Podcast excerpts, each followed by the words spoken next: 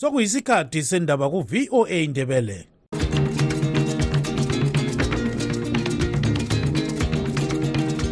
amatshono zihlobo siyalamukela kuhlelo lwethu lwezindaba eziphathelane lezimbabwe kustudio 7 eya voice of america sisakaza sisewashington dc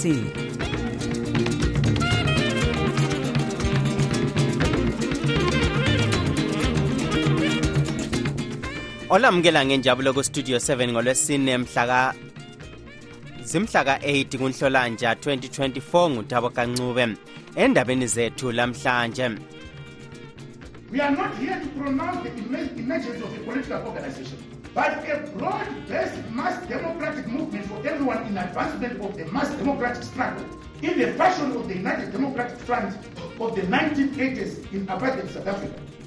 Owake waba ngumeli wezengeza west edalele ephalamende umnumzana job sikhala uthi akaselanile bandla le-triple c njalo sesungula inhlanganiso yezombusazwe entsha ezaqakathekisa izifiso zikazulu.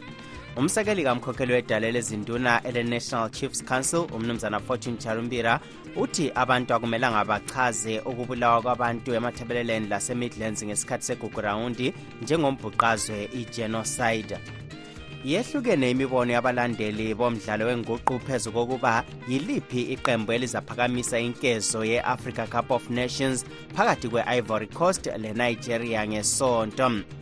Zonke lezi ndaba lezinye lizozizwa kulo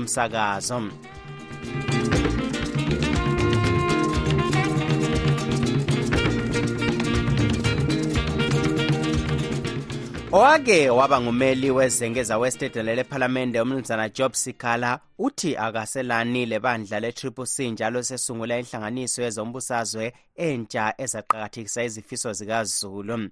Linhlanganiso yiyo-ke ezakhankasa ngamandla ukuze ibandla lezanup f likhutshwe embusweni. Kubika umlondolozi ndlovu. Ekhuluma lentatheli izindaba eharare namuhla usikhala yena ophume ejele kunsukwana ezedluleyo ngemva kweminyaka phose emibili uthe inhlanganiso le ayisilo bandla lezombusazwe kodwa ngumanyano wabantu abavela kunhlangothi ezitshiyeneyo zempilo ojonge ukugqugquzela ukususwa kwebandla lezanup f embusweni ukuze kungene uhulumende oqakathekisa intando kazulu.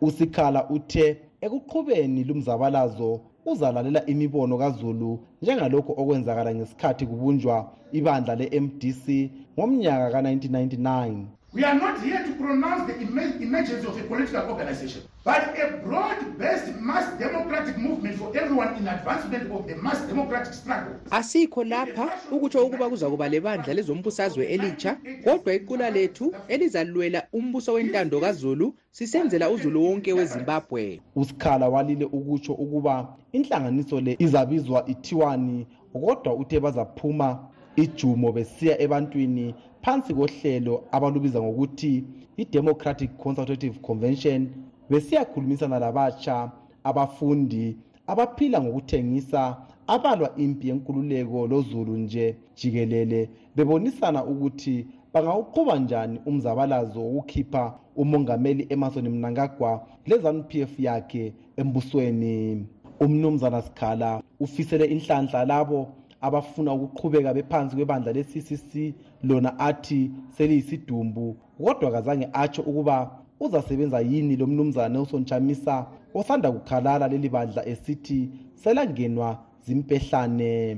Abanye abacubungula ezombusazwe bathi kuza kuba nzima ukuba usikhala asebenze yedwa engelachamisa yena abathi uthandwa ngabantu abaningi omunye wabahlaziyi laba ngumnumzana khulakwashe zulu yena othi kumele usikhala abambane labanye. Ujob sikhala ngeke akwenelise lokhu asekwenzile ngoba ucabanga ukuthi yena ulabantu kanti bona abantu hatshi. Abantu bebesympathiza laye ngendaba yokuthi ebengumuntu we-triple c. Kodwa umnumzana yebet jamuka owebandla le-people's unity party uthi usikhala wenza kuhle ngoba efuna ukuqala indlela entsha yokulwisana lezanup f. Izanu p f yayicabanga ukuthi ukufaka kwayo ujob scala ejele iyamqeda amandla kodwa izanu p f ukubona kwami ayiphumelelanga. Isikhulumeli selinye lamacele e-ccc umnumzana promise mkhwananzi utshele istudio 7 ukuthi usikhala kumele aphumule lemuli yakhe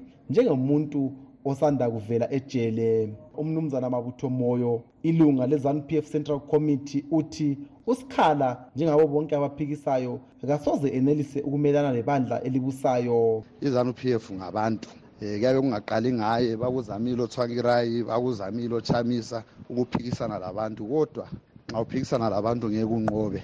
Emhlanganweni wanamhlanje usikhala ubephahlwe ngabasekeli bakhe abathi umnumzana comfort mpofu owenhlanganiso yejob sikhala solidarity movement lomkhokheli webandla le-democratic party umnumzana urarayayizembe abanye abakade besemhlanganweni lo bagoqela abezigodlo zabameli bamazwe abalisa icanada sweden le-netherlands ezimbabwe kanye lowake waba ngumgcinisihlalo we-mdc umnumzana morgan comichi usikhala wabotshwa esitungizwa esetheswa icala lokutshotshozela udlakela enyatsime lapho akhuluma khona kulandela ukubulawa kwelunga le-ccc unkosazana mo blessing ali.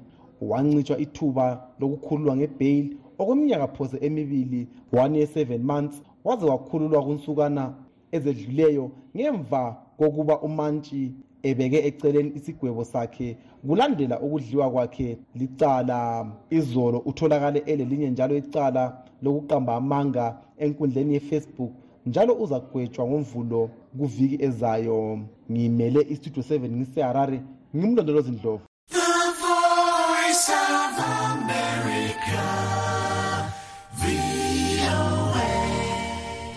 umsekeli kamkhokheli wedale lezinduna ele-national chiefs council umnumzana fortune charumbira uthi abantu akumelanga bachaze ukubulawa kwabantu ematabeleland lasemidlands ngesikhathi segugurawundi njengombhuqazwe igenocide.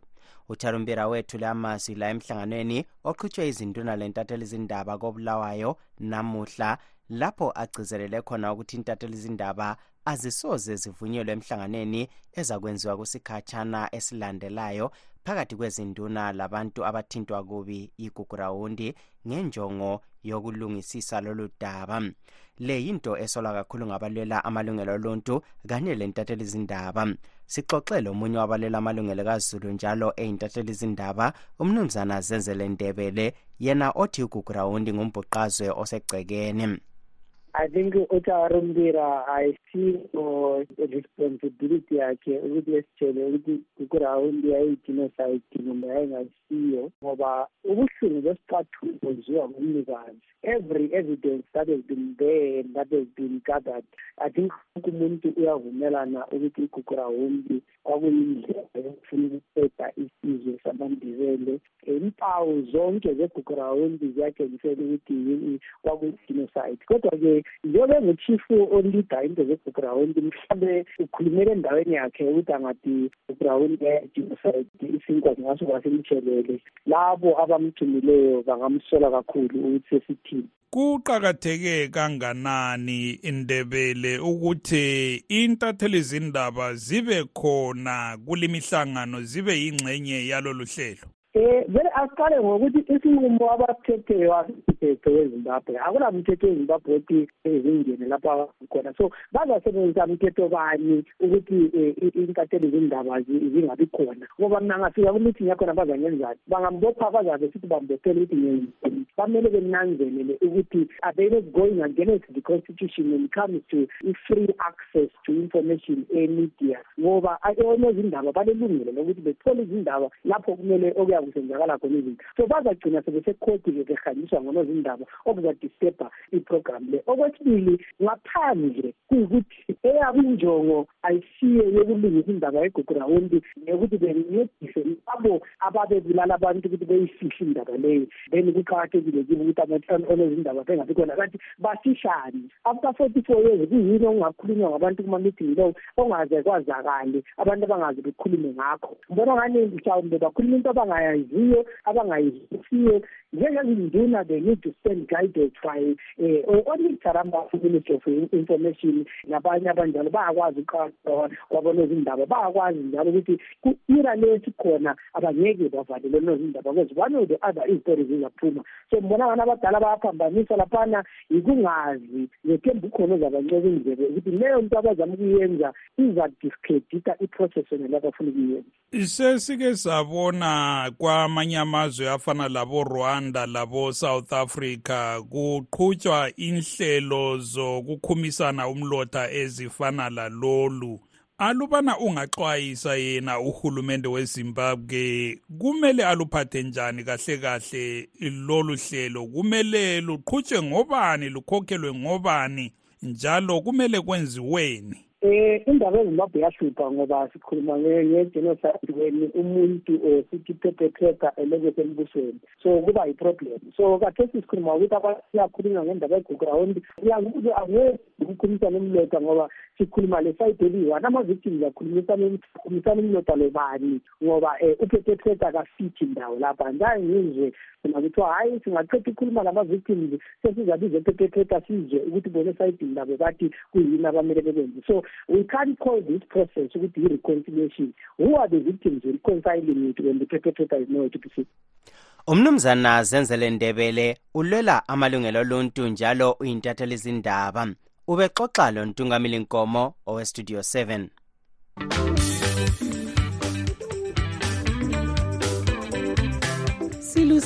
silusizi ukulazisa ukubana sesiza kuma uhlelo lwethu lwendaba zekuseni kusukisela ngenyanga ezayo ekanhlolanja olokugcina uhlelo lusakazwa mhla ka-9 hlolanja kodwa lingalahli themba ngoba konke elikade likulalela ekuseni likukhwabitha kuzabe lokhu ekumunyethwe kuhlelo lwezindaba zantambama ngo-half past 7 nsuku zonke. Sikhumbuzane sihlobo ukubana lanxa ungakhuthwa luhlelo lwezindaba luka-half past 7 ntambama ulakho ukululalela lapho soluphindwa ngo-half past 9 ntambama lango-half past 11 ebusuku. Siyalibonga ngokuqhubeka lisekela inhlelo zethu ze-studio 7 eye-voice of america. Abakhubazekileyo baqhubeka bekhala ngokuthi babhekana lenkinga lapho bedinga usizo lokwelatshwa ezibhedlela. Lokhu kwenzakala lanxa uhulumende elemithetho ebamba ngamandla izibhedlela zonke elizweni ukuthi zingaze zabandlula njalo zenze kube lula ukuthi bangene kizo okufana lama-rems ulusiyasini usethulela lolu daba ngokugcweleyo. Ezinye zalezi nkinga zigoqela ukuswelakala kwezakhiwo ezenza abahamba ngezinqola zama-wheelchair benelise ukungena esibhedlela ama-ramps ukusilela kwezisebenzi ezanelisa ukukhulumisana labangezwayo endlebeni nge-sign language.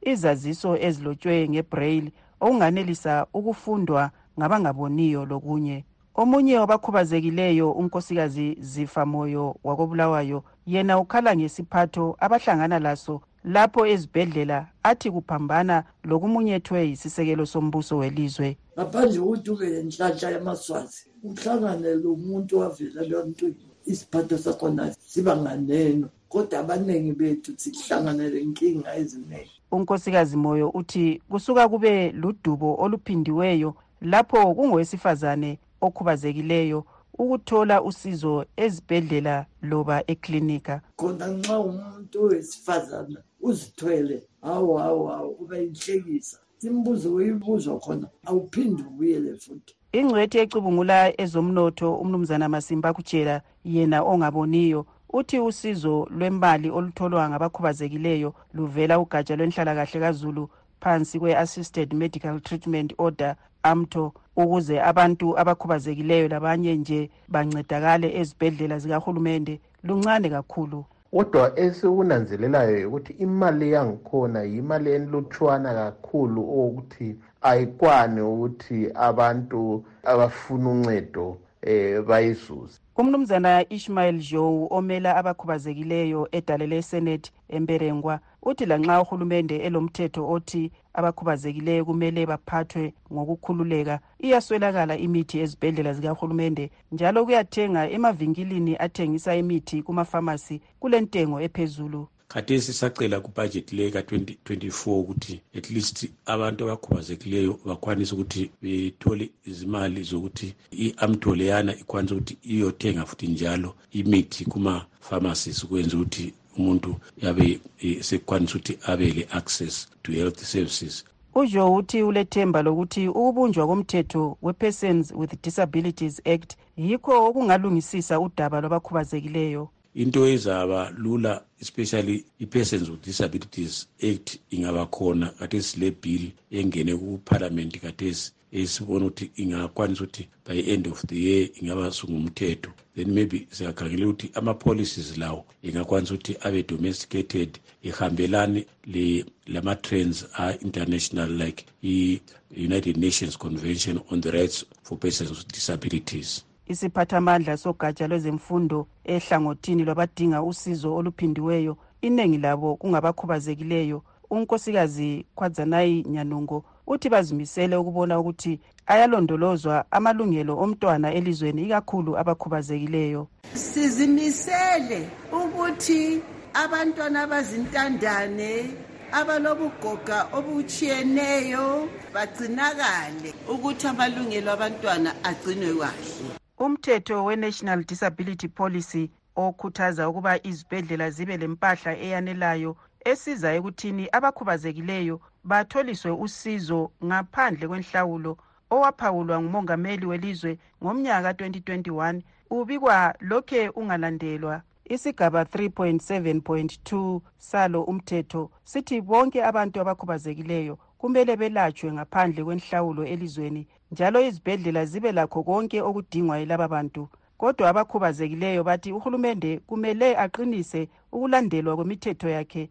ngoba imihle kodwa akayisetshenziswa nxa abakhubazekileyo sebefuna ukwelatshwa ezibhedlela zikahulumende lezizimeleyo ngimele istudio 7 ngiseharare ngingulusi yasini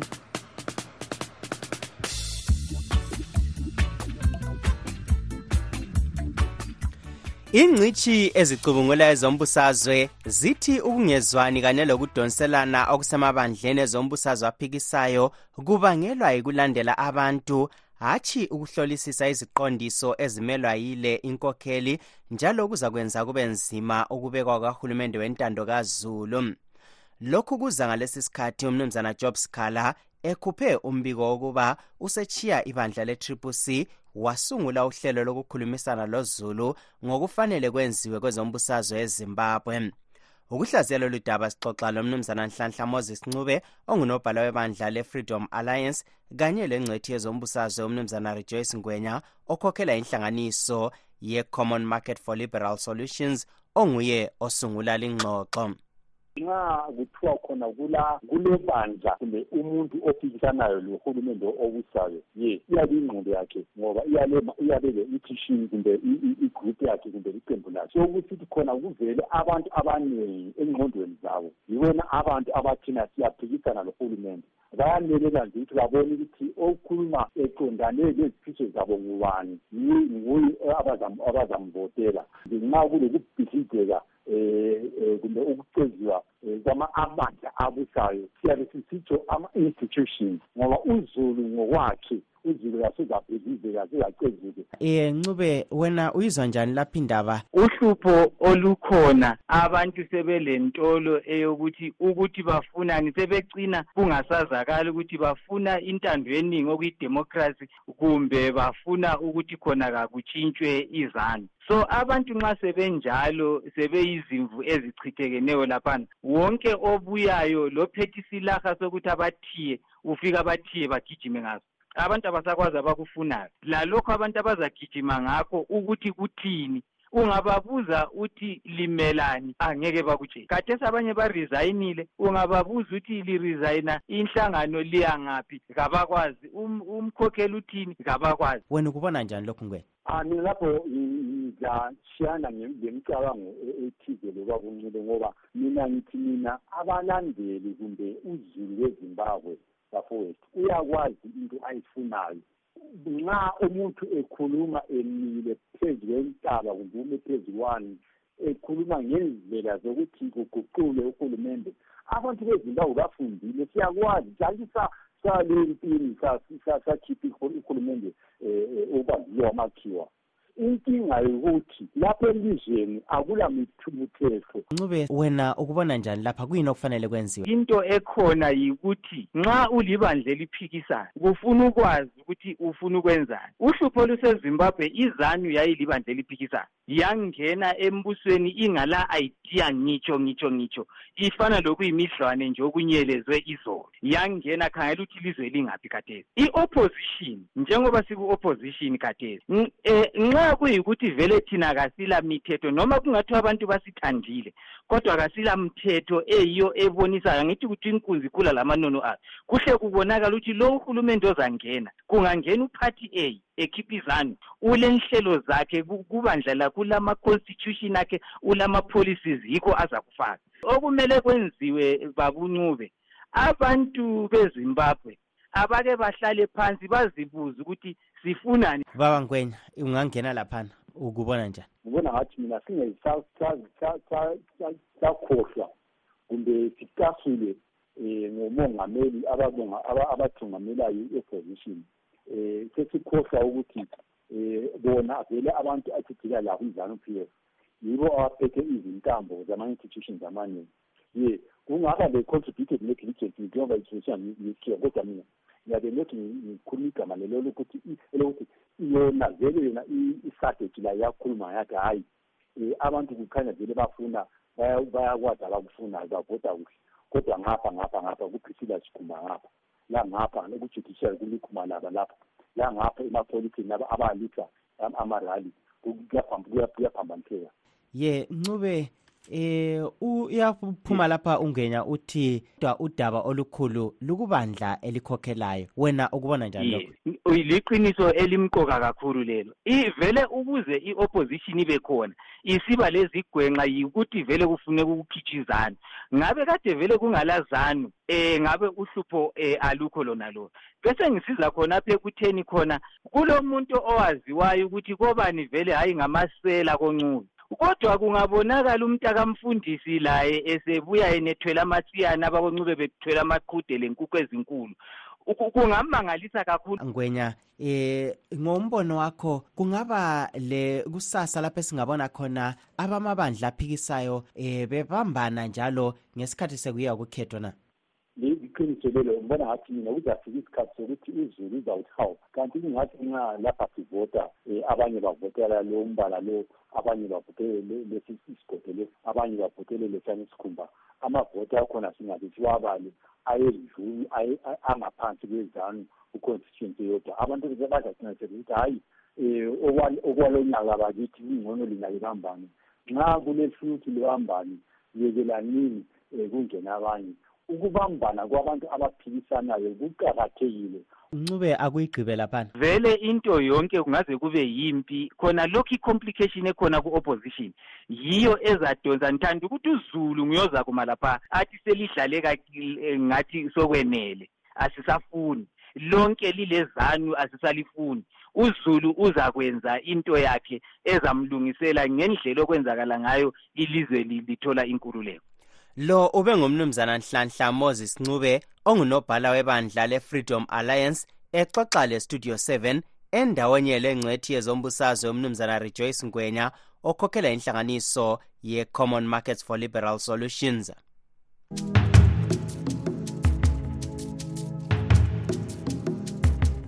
Abe-national aids council bathi sebesungule uhlelo lomkhankaso wokuhlola abantu igazi endaweni ezehlukeneyo esabelweni semathebeleleni north ikakhulu ebusuku abayithi yi-moonlight testing.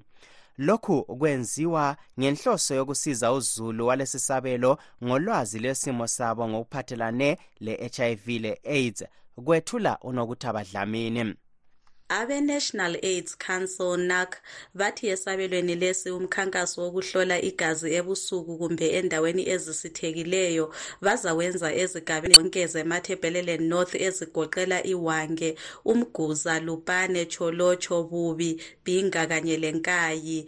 Lokhu kuchasiswa kabanzi ngumqondisi wenac esabelweni lesi umnumzana dingane ncube. Ama-hotspots siwa-identifya njani? Sikhangela i-statistics on h i v ukuthi kumi njani. On stis ukuthi kuleyo ndawo kumi njani. Sikhangele njalo ama-age groups. Sikhangele ekutheni ama-behaviors kuleyo ndawo ami njani. Uqhubeke ethi bengaphumelela kulomkhankaso bazangezelela imfundiso ngezocansi indlela zokuzivikela imikhuhlane yengulamakhwa ukuthelelwana kwegcikwane lengculaza kanye lokuphila lalo phansi kohlelo lwe-combination prevention activities.